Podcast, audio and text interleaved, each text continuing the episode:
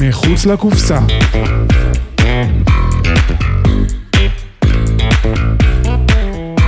שעה על פסיכולוגיה.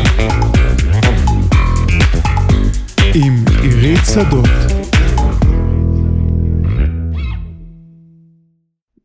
שלום, שלום.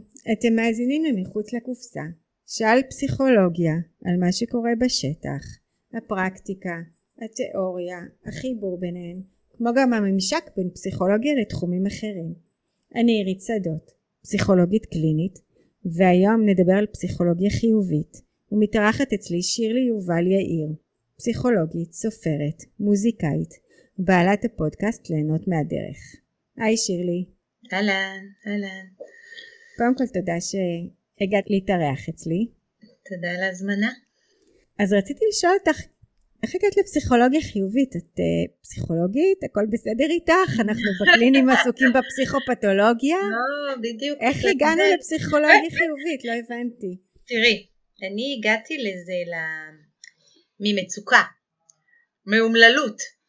והמצוקה okay. שלי התחילה בתוך תהליך ההכשרה שלי כפסיכולוגית קלינית. אה, ב-MA, כבר ב-MA, אה, כל הזמן הרגשתי, זה היה לי נורא מעניין כמובן, אבל ממש הרגשתי איך שהגרף של ככל שהחודשים עוברים אני נעשית יותר מדוכדכת ויותר פסימית לגבי מצב האדם.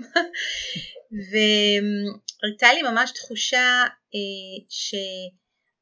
התחום שלנו כאילו יושב על רגל אחת עם הטיה נורא נורא נורא חזקה לפתולוגי, גם חלק מהפרקטיקום שלי עשיתי במחלקות, אחת במחלקה של אברבנאל חצי פתוחה ואחר כך זה הלך ונהיה יותר ויותר קשה ועשיתי, עבדתי במחלקה סגורה אקוטית בבאר יעקב וזה היה מאוד מעניין אבל הייתה לי תחושה שאנחנו ממש ממש מחמיצים אה, אזור שלם של כשאנחנו מסתכלים על, ה, על היצור האנושי רק מהעינית של uh, מה השתבש וכשאנחנו מנסים להבין uh, מי הוא אדם בריא ומשגשג מזה שאנחנו אומרים אה ah, הוא לא במשבר עכשיו או הוא לא נורא נורא מסובך.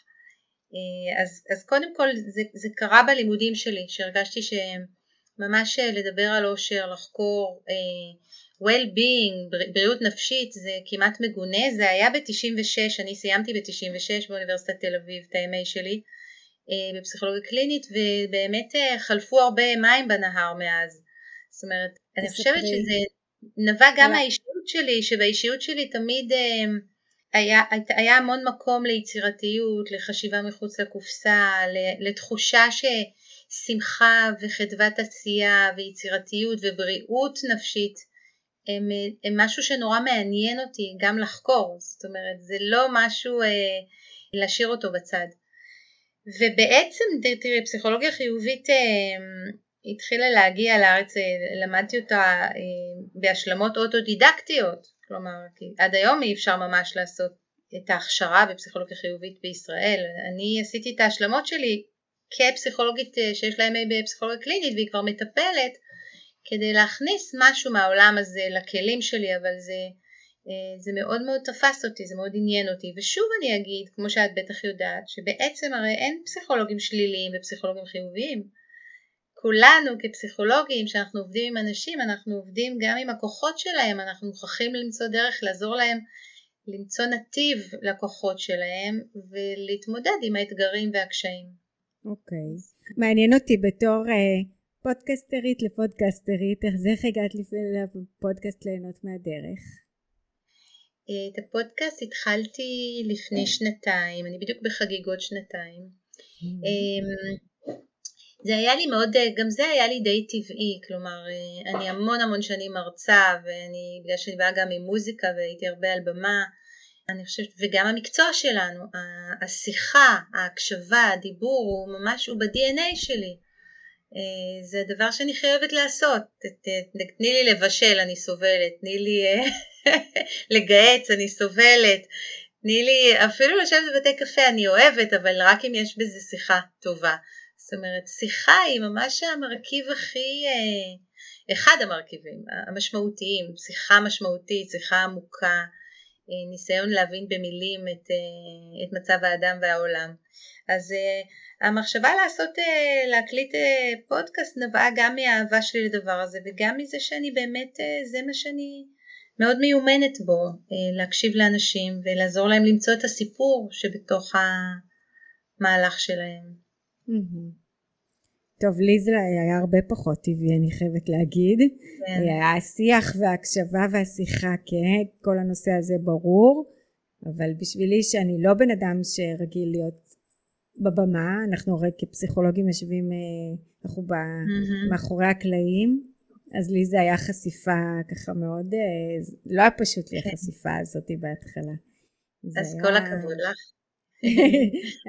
הייתה המון חרדה.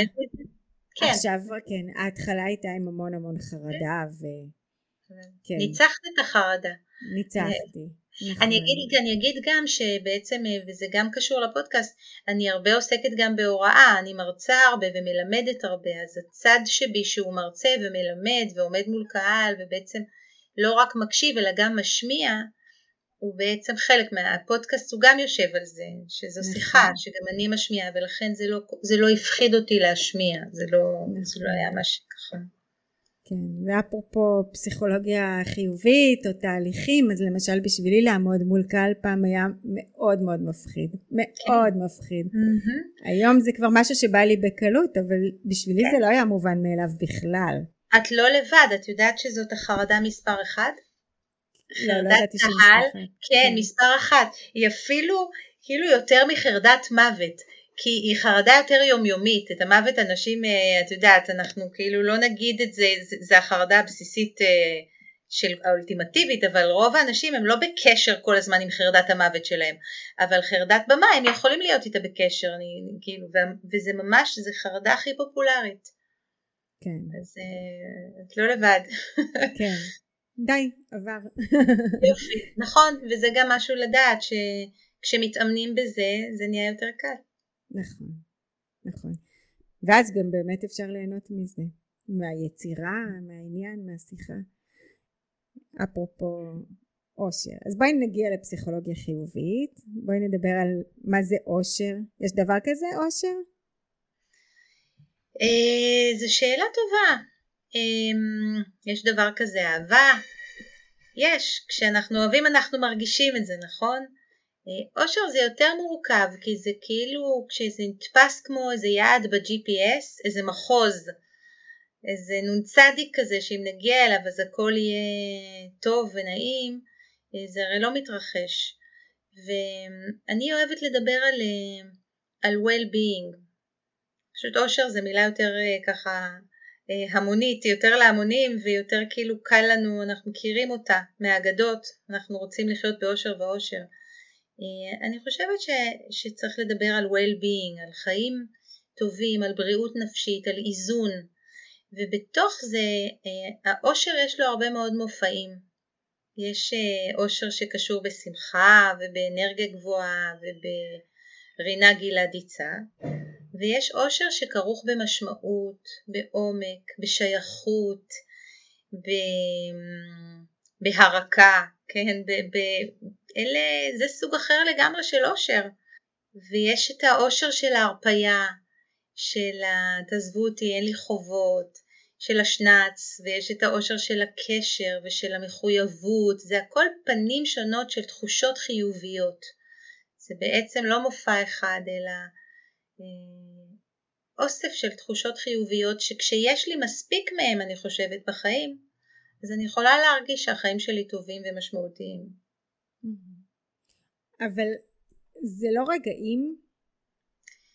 לפעמים זה רגעים, בהחלט זה, זה מורגש ברגעים, אבל עדיין אני לא תמיד יכולה למדוד את זה על פי הרגע, אני אתן דוגמה, יכול להיות רגע מאוד קשה או לא נעים, בתקופה מאושרת.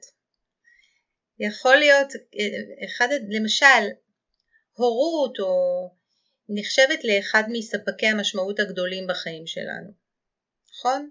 נכון. והרבה פעמים הורים מספרים לנו שילדים זה האושר שלהם וכו' וכו'. אבל אם את שואלת אנשים או את מציצה על היום יום שלהם, ההורות היא לא תמיד שמחה רק, היא גם עלבונות, ניג'וסים, נדנודים, חרדות, הרבה נכון. עבודת פרך. נכון. אז כספק משמעות זה, זה משהו, כשאנחנו הורים אנחנו, אה, אני חושבת, הרבה מאוד אנשים חווים אושר מעצם הדבר הזה שהם, שהם הביאו ילדים, שהם מגדלים אותם, שיש להם, שהם אוהבים את הילדים שלהם, שהם מלווים את צמיחתם, אבל אה, בדרך יש גם רגעים קשים. זה לא לוקח, זה לא אומר שאנחנו לא מאושרים אם קשה לנו. אני, גם, אני אגיד גם על זה משהו. ההפך מאושר זה לא עצב. עצב ואושר וכעס והם הם הכל רגשות שבאים והולכים. well-being יושב על היכולת להרגיש שבסך הכל עם הרגשות האנושיים שלי, החיים שלי משמעותיים, מספקים, אני מרגישה ממומשת.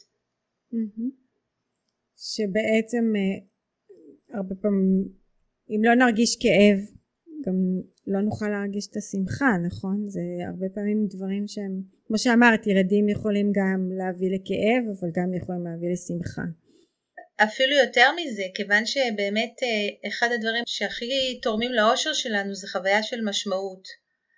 זאת אומרת הנאה היא, יש אחד הציטוטים שאני אוהבת ככה להזכיר הוא של דוקטור טל בן שחר חוקר ישראלי מהרווארד אחד השמות הככה המשפיעים בתחום חקר העושר ואנחנו גם שותפים, כתבנו סדרה של ספרים לילדים ביחד ואנחנו עובדים יחד בחברים.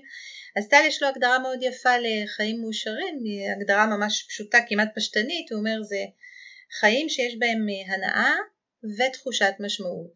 זאת אומרת חיים שיש בהם הנאות ושמחות קטנות וחדוות זה נהדר. אבל המרכיב הקריטי הוא תחושת משמעות. בעצם אנחנו רוצים להרגיש אה, זה השער הראשי לאושר, להרגיש שהעשייה משמעותית, שהקשרים שלנו משמעותיים, שהחיים האלה משמעותיים, ובעצם כל דבר שהוא משמעותי לנו, מעצם זה שהוא משמעותי לנו, הוא יסב לנו גם אושר וגם עצב. אם אני אוהבת את הילדים שלי או את בן הזוג שלי, אז זה גם כרוך בצער, כי אם קשה לו אז קשה לי, כי אם הוא רחוק או אם התרחקנו אז כואב לי, זאת אומרת, איפה שיש משמעות, יש רגשות אנושיים.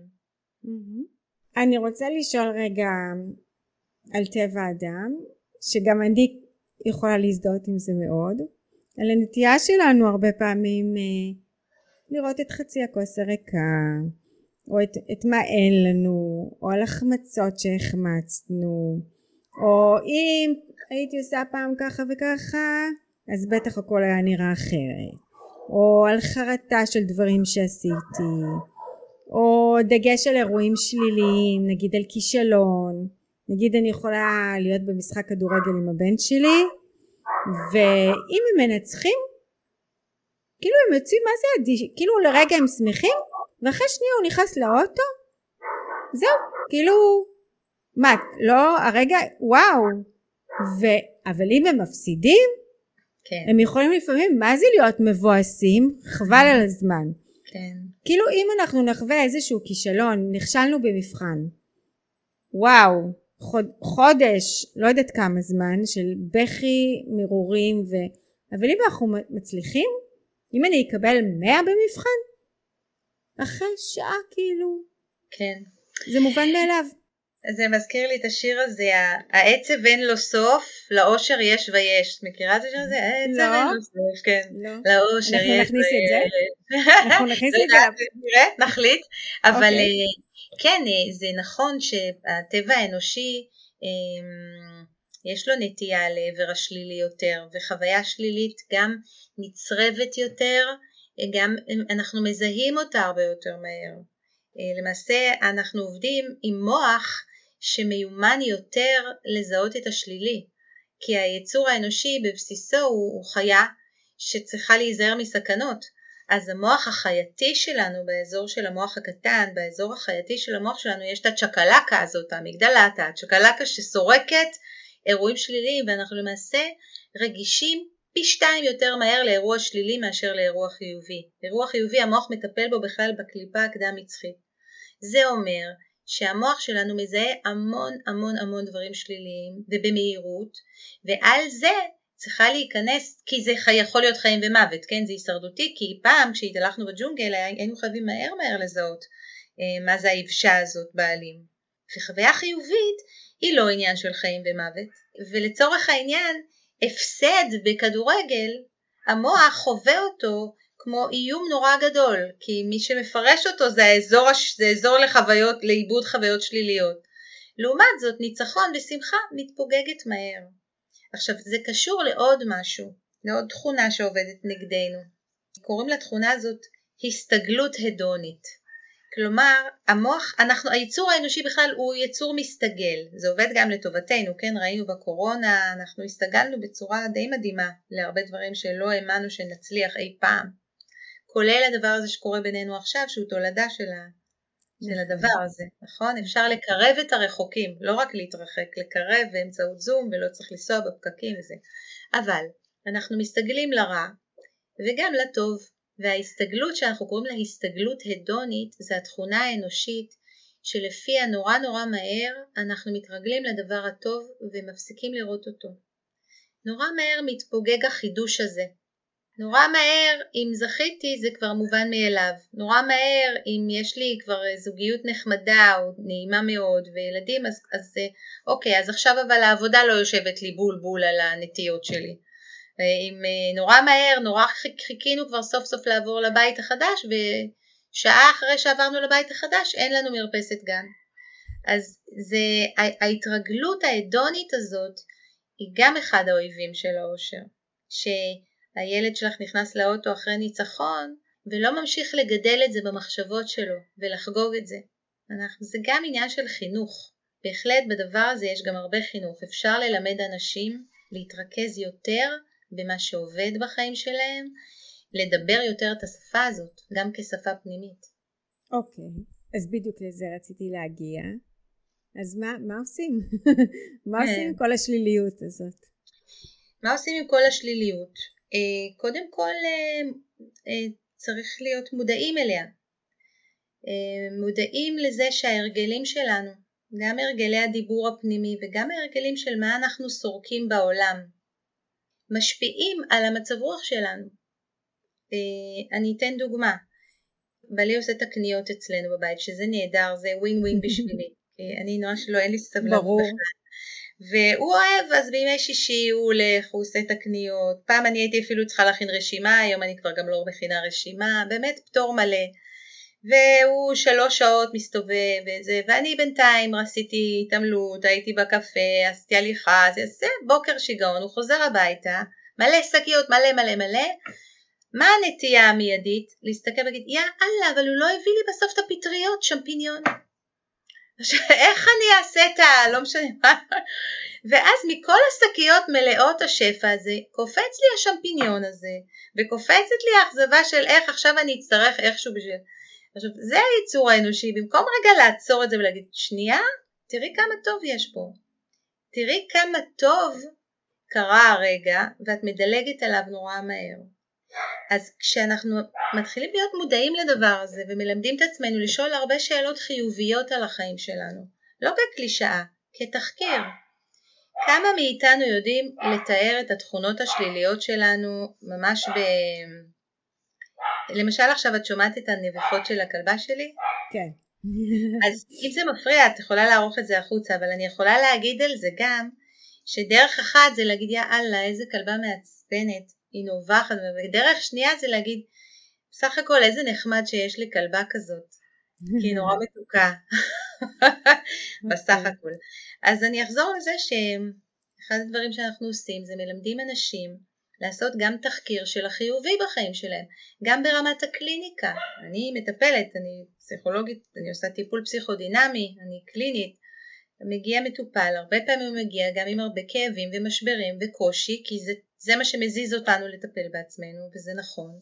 אבל אני מההתחלה אשאל הרבה שאלות גם על האזורים של הכוחות, של מה יש. ו...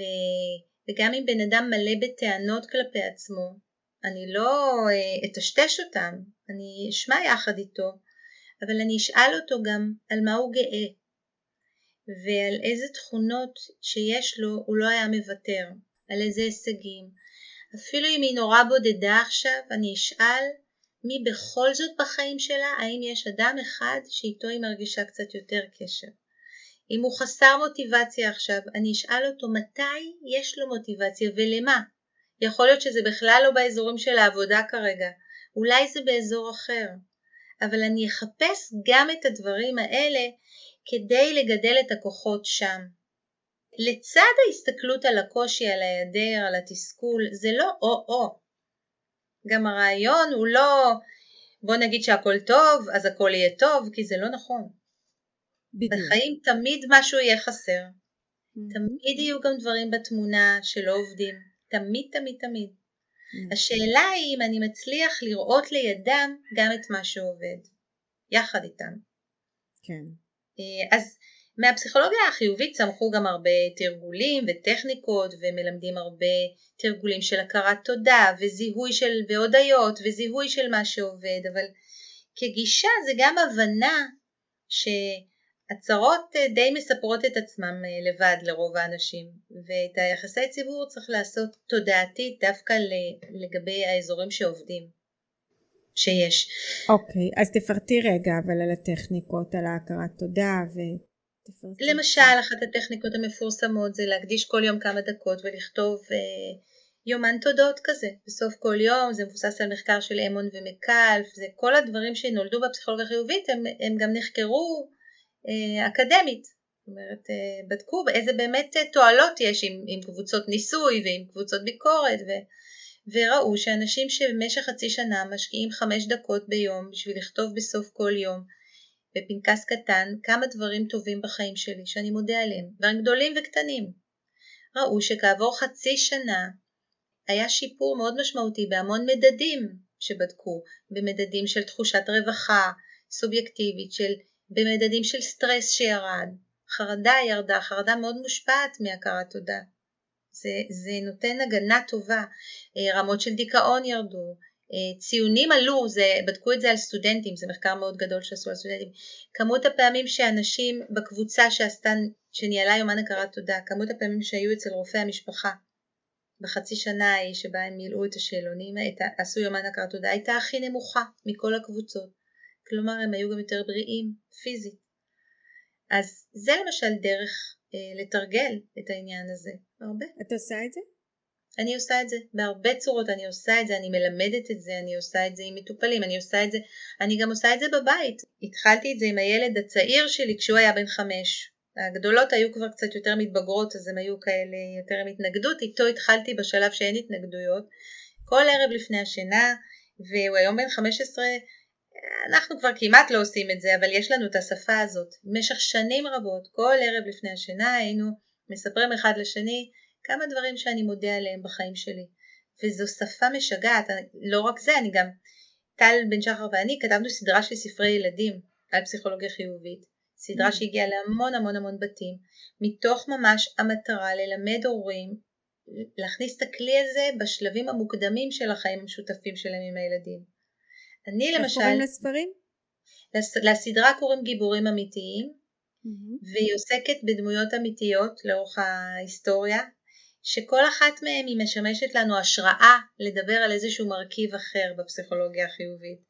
אז בחרנו את הדמות של הלן קלר ואנחנו מספרים את סיפור החיים שלה שלמרות שהייתה אישה עיוורת וחירשת היא הייתה אישה מאוד מאוד אופטימית, מלאת שמחת חיים, היא חיה חיים מלאי משמעות ועשייה, נדדה בשלושים ומשהו ארצות, אה, בזכותה נפתחו המון המון המון מרכזים לילדים עם צרכים מיוחדים כמוה. חיה חיים של הרבה מעורבות רגשית, של קשרים עמוקים, והייתה אישה מאוד מאוד אופטימית. ואנחנו מספרים את הסיפור שלה ומספרים, שמים כביכול בפיה את המנטרה, זה המנטרה שלנו, אבל כביכול בפיה שהיא תמיד הייתה אומרת שהיא אמנם איבדה שני חושים מאוד משמעותיים, ראייה ושמיעה, אבל יש לה כל כך הרבה חושים אחרים, חוש ריח וטעם וחוש הומור וחוש לאנשים וחוש לחיות, ועם כל החושים האלה היא חיה. והמנטרה שלפי היא חיה שזה כמו קסם שפועל, כשמתמקדים במה שיש, היש גדל. וזה נכון גם נוירולוגית. אה, מחקרים הראו שכשאנשים אה, עושים הרבה עבודה של התמקדות במה שעובד, המוח שלהם משתנה באזורים שקשורים לוויסות, לאזורים בקליפה הקדם מצחית שקשורים יותר לחוויות מיטיבות בחיים שלנו. יפה. אני אאמץ את זה, היום אני אעשה בערב עם הבן שלי, הקטן. ואת יכולה לעשות את זה גם כן, וגם כדאי, לעשות, אנחנו למשל עושים את זה סביב שולחן השבת, משפחתית. אנחנו עושים סבב של הודיות, כל אחד אומר משהו טוב אה, בחיים שלו. המתבגרות משתפות פעולה? היום כבר כן, בזכות הקטן, הם, הזה, אה, אה, הוא ממש, הוא גם נורא נורא מצחיק, הוא ילד נורא מצחיק. אז הוא, עם, הצ... עם ההומור שלו וזה, אז הוא יכול להגיד הודיות באמצע הארוחה, הודיות, ואז, וגם הטריק הנוסף, כי הרי אין נביא בעירו, אז אה, בבית שלי הם היו קצת מפלבלות, עם בעלי אנחנו עושים את זה המון, המון המון, תכף ניתן עוד דוגמה, אבל התחלנו להכניס את זה בארוחות אה, של חברים שלנו, עם, עם ה... יש לנו ארוחות שישי לפעמים עם כמה משפחות של חברים, אנחנו עושים סבבים של הודיות. אנחנו עושים את זה עם המשפחה המורחבת לפעמים. אני עושה את זה המון בארגונים, בישיבות צוות, אני אלמדת אנשים להתחיל ישיבות צוות ככה, בסבב, משהו טוב שקורה כאן, שהיה לי פה השבוע. אמ, אז השפה הזאת היא מאוד מאוד מרחיבה וגם אה, מדביקה, אפשר ממש ללמוד אותה. זה מעניין, את יודעת שזה מעורר בי, כאילו זה מרגיש לי כזה לשבת בארוחה ופתאום להביא את ההודיות זה, זה משהו ש, ששמעתי עליו בעבר. זה תמיד נראה לי זה משהו כזה מלאכותי כזה שזה כן. צריך נורא להתאמץ בשביל זה שזה לא זה לא הטבעי שלנו. עכשיו תראי כמה כשתנסי את זה זה נכון שלפעמים צריך כאילו להתגבר על משהו אבל בגלל שהטבעי שלנו זה לקטר, זה לדבר על פוליטיקה, זה לרחל על ככה וככה, או לקשקש. אבל ברגע שתראי שכשאנשים מתמסרים ללספר הודיה, אז הם בעצם מספרים על משהו טוב שבחיים שלהם, או על משהו טוב שקרה השבוע, וזה מרתק. זה מרתק לשמוע מה סבא אומר, או מה הגיס שלי שאני לא רואה אותו שבועיים והוא נורא נורא עסוק והוא הייטקיסט כזה ו- ותמיד על הטלפון ופתאום בסבב הודעות הוא מספר, מספר משהו על איזה פגישה שהייתה להם עם לקוח והייתה נורא מעניינת ואני לומדת עליו. אז ושוב אני רוצה להגיד גם על הודיות זה לא איזה קלישאה, הרעיון הוא לא להגיד הכל טוב, תודה, תודה על המשפחה, תודה על הבריאות, זה נהדר, אבל הודיה היא כשאנחנו אומרים משהו מאוד ספציפי, כשאנחנו בעצם מספרים סיפור נקודתי, כשאני עושה הודיות בערב, אני לא, ואני מודה על מישהו, נגיד על הילדים שלי, אני לא כותבת תודה על הילדים, אני כותבת על משהו ספציפי, אני אומרת תודה על רוני שהיום הייתי כל כך גאה בה כשהיא צלצלה וסיפרה לי איך היא התמודדה עם איזה חיילת שלה. תודה על זה שיש לה את הכוחות האלה. או תודה על גילי שהייתה כל כך יצירתית היום בכך. אני מדברת על משהו ספציפי. לא אומרת באופן כללי. וכשעושים את זה סביב השולחן, אז אין ציניות ואין התנגדות, כי אנחנו לא אור ואהבה, hmm, בואו נגיד כמה הכל נפלא. לא, בואו נספר על, הדבר, על משהו טוב אמיתי. אוקיי. Okay. טוב אני צריכה להתחיל לתרגל ואנחנו נעשה עוד פעם אה, פגישה ואני אגיד לך איך, בסדר גמור, תמיכה. איך זה קורה. אז עוד טכניקה, איזה עוד טכניקה יש חוץ מהודיה? אני לא הייתי גוזרת את זה לעוד טכניקות, אלא מדברת קצת על הדברים הבסיסיים שאנחנו יודעים שהם, שהם מאוד מאוד תורמים לבריאות הנפשית שלנו, ל-well-being. Okay. אוקיי. Mm-hmm. אז אחד זה דיברנו על משמעות, אה, זה אין טכניקה למציאת משמעות, אבל זה צריך להיות מצפן. חיים טובים הם חיים שבהם אני מרגיש משמעות, אני מרגיש שהעשייה שלי משמעותית. עכשיו זה לא, בן אדם צריך לשאול את עצמו, מה בחיים שלי מספק לי משמעות? אולי זה לא מעבודה, אז אולי מהשכנות שלי, אולי זה מהחבר, מהאופן שבו אני חבר, אולי זה מהאופן שבו אני עוזר, אולי זה מהמעורבות הפוליטית שלי, זה לא משנה ממה, בן אדם צריך לשאול את עצמו ולבדוק איפה זה מתנחל, איפה זה בתוך החיים שלו. שאלה חשובה זה איזה קשרים בחיים שלי הם משמעותיים וכמה אני אה, נותן להם מהמרץ שלי, מהאנרגיה שלי, זה דרך אגב אחד הדברים שחוזרים שוב ושוב במחקרים של פסיכולוגיה חיובית, זה שהמשתנה הכי משמעותי לאושר זה מערכות היחסים שלנו. מערכות כן. היחסים הטובות, בין אם זה משפחה או חברים, הם המנבא הכי טוב ל-well-being. גם, גם מערכת חיינו ממש מספרית, בשנים. זהו, רציתי להגיד לך שבפרק שעשיתי על גרנטולוגיה, אז גם דיברו על זה שבנושא אה, של קשרים בין אישיים, זה חלק מה... גם שם מדברים על רווחה נפשית ועל הזדקנות אה, בריאה, וזה נכון. אחד הדברים החשובים. לגמרי. זה חשוב להזדקנות אבל זה חשוב גם לצעירות. אנשים הם נורא חשובים לנו ואחד הצרכים העמוקים ביותר וזה אדלר דיבר עליו זה שייכות. היצור האנושי הוא זקוק לשייכות ולכן שייכות גם קשורה לאושר. כשאנחנו פוגשים את הצרכים הבסיסיים העמוקים שלנו שהם הרבה מעבר לצרכים ההישרדותיים, אוכל, מים, סקס, התרבות. צרכים העמוקים האנושיים זה משמעות, זה שייכות, זה תחושה שאני מחובר בעולם הזה, שאני לא לבד. אז אחת הטכניקות זה להשקיע באנשים. זו טכניקה נהדרת, להשקיע באנשים שלך, זאת מניה טובה מאוד. לתת לזה גם זמן, לא רק מחשבה, כן, מתישהו. אני ויש... רוצה רגע, לפני כן. זה רק לשאול, אני, אני שואלת הרבה פעמים את השאלות האלה בתוך טיפול. רציתי להגיד למרות שאני פסיכולוגית קלינית, אבל כן. אני לגמרי עסוקה בשאלות האלה, אבל הרבה פעמים אנשים, יש כאלה שלא יודעים לענות על השאלות האלה, שנורא קשה להם לענות על השאלות האלה, שזה... נכון, נכון, וזה עניין של חינוך. אז צריך ללמוד לענות את השאלות האלה. הם קשה להם כי הם לא תרגלו. כי הם יותר רגילים לשאול מה אכלו לי, לקחו לי, שתו לי, מה אין לי, איזה תכונות איומות, אה, הם יותר רגילים לסריקה הזאת. השאלות החשובות, הם, הם יודעים לשאול כמה כסף עשיתי והאם אני עושה כסף במקצוע שלי, הם יודעים לשאול כמה חוויות רכשתי או כמה מוצרים רכשתי, אבל מעט אנשים או מעט, לא אגיד מעט, התחקיר הזה של לשאול שאלות על מפת החיים שלי, כמה מהחיים שלי קשור למשמעות, מהעשייה שלי, מהאנשים שלי, לשאול שאלות על הבחירות שלי, זה ללמד אנשים שאלות חדשות, וכשהם כן. מתחילים לשאול את זה הם מוצאים תשובות. אבל רציתי להגיד שבטיפול אני חושבת שאולי יש כזה, זה הולך בד בבד, אבל גם קצת אולי גם בשלבים, שכאילו יש את השלבים הראשונים שבאמת הרבה פעמים עסוקים ב...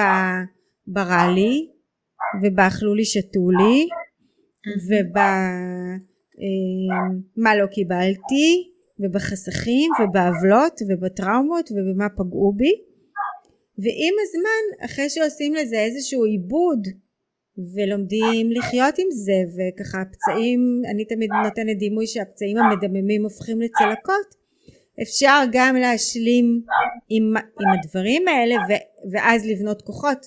אז מה אני עושה עם זה עכשיו? כאילו. לאן אני לוקח את המקומות האלה? לאיזה כיוון? מה? עכשיו יש לי בחירה. יש לי יכולת לקחת את הדברים. אני, אני לא אמשיך כמו מנטרה להמשיך על האכלו לי שתו לי אוקיי אחרי שהדברים מעובדים אני יכול להמשיך קדימה. כן. אני חושבת שבוודאי שכשאנשים באים לטיפול או באים סביב מצוקה אז המצוקה מדברת מאוד מאוד חזק וחשוב לתת לה מקום אבל אני חושבת שגם ליד מצוקה תמיד יש גם כוחות עכשיו זה לא אחד זה לא שאנחנו מדברים על הכוחות בשביל למחוק את המצוקה אבל גם אני לא בטוחה שמוכרחים לחכות שבסמסטר הראשון נתעסק רק במצוקה ובסמסטר השני נבנה כוחות. כלומר הדברים לפעמים מתערבבים, הם מתערבבים ו, ו, וחשוב לתת מקום גם לזה וגם לזה. כן כן אני אמרתי שזה בד בבד קורה נכון, אבל שיש נכון. איזה משקל יותר גדול בהתחלה אני חושבת נכון. לה... כן. כן. בוודאי כשמישהו מגיע עם משהו שהוא מאוד מאוד קשה ומעיק עליו. כן.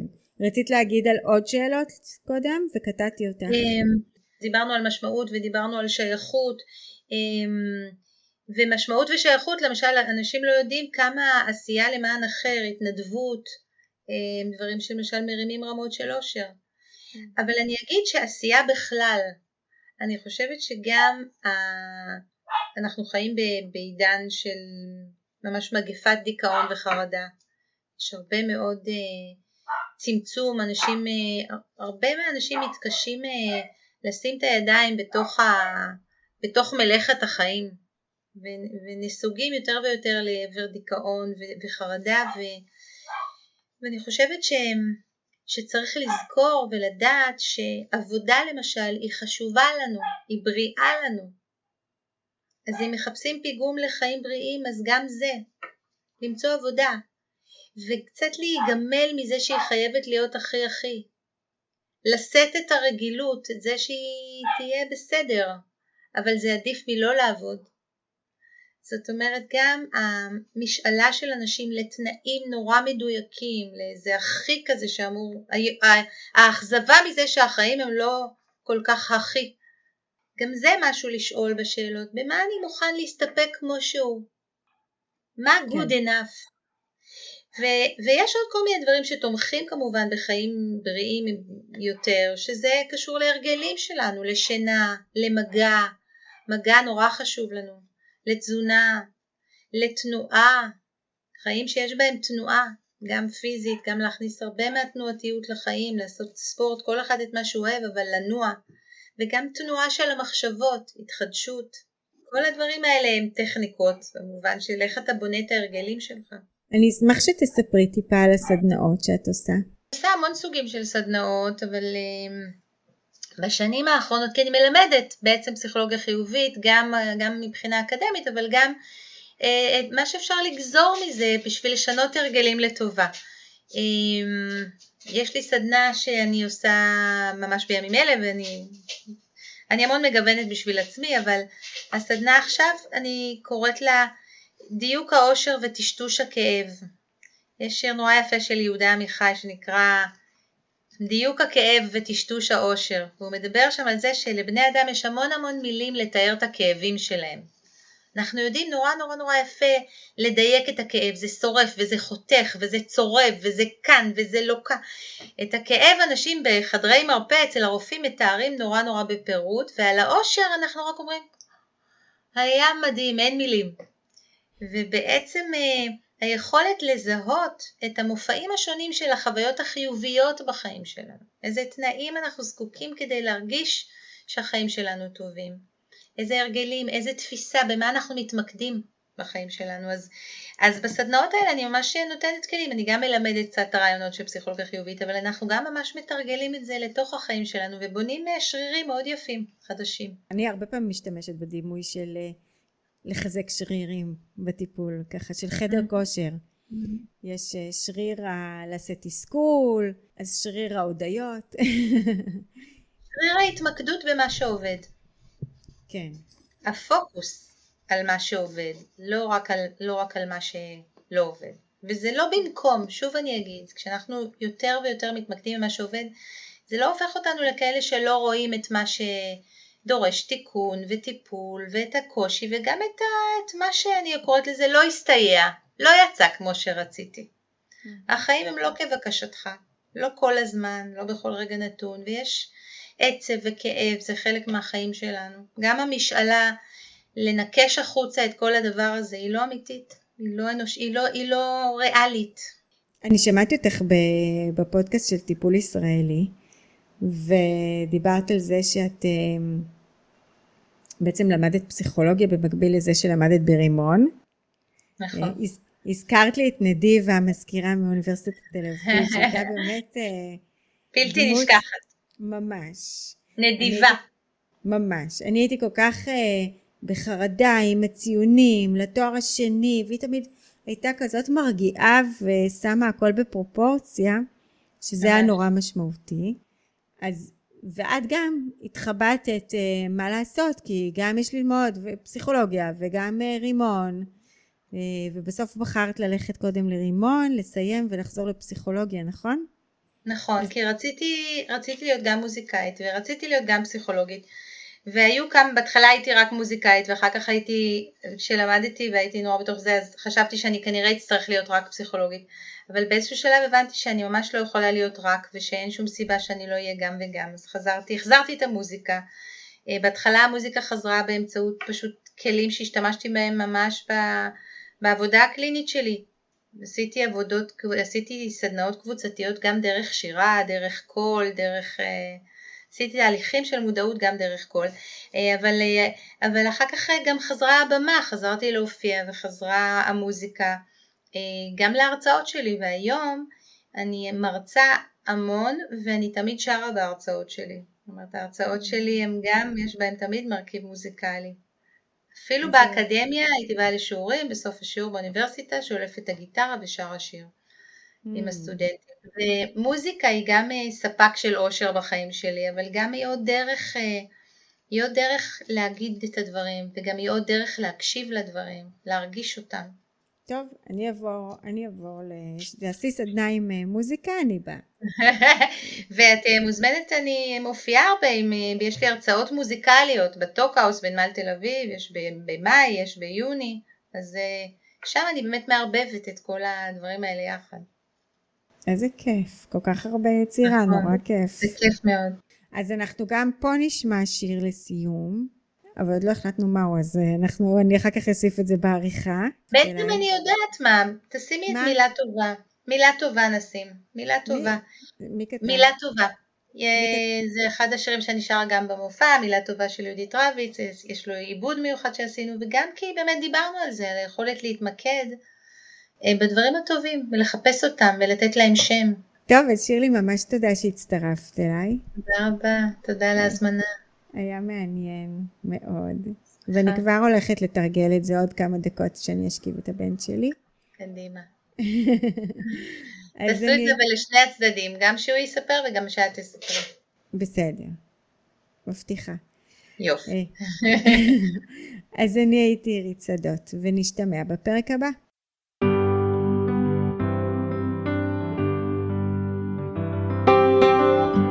אפילו בשרב הכי כבד,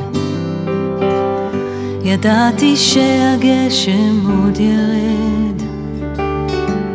ראיתי בחלון שלי ציפור, אפילו במשב סופה בקור.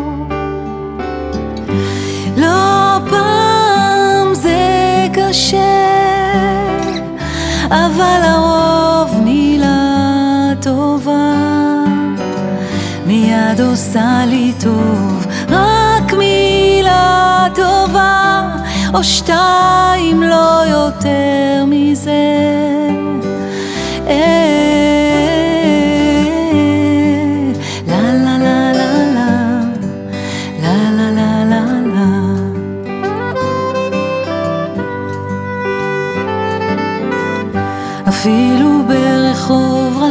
סואן הייתי איש יושב ומנגן פגשתי אנשים מאושרים, אפילו בין שבילי עפר צרים. תמיד השארתי פתח לתקווה, אפילו כשכבתה האהבה. חלמתי על ימים יותר יפים אפילו בלילות שינה טרופים. לא פעם זה קשה, אבל לרוב מילה טובה מיד עושה לי טוב, רק מילה טובה או שתיים, לא יותר מזה. מיד עושה לי טוב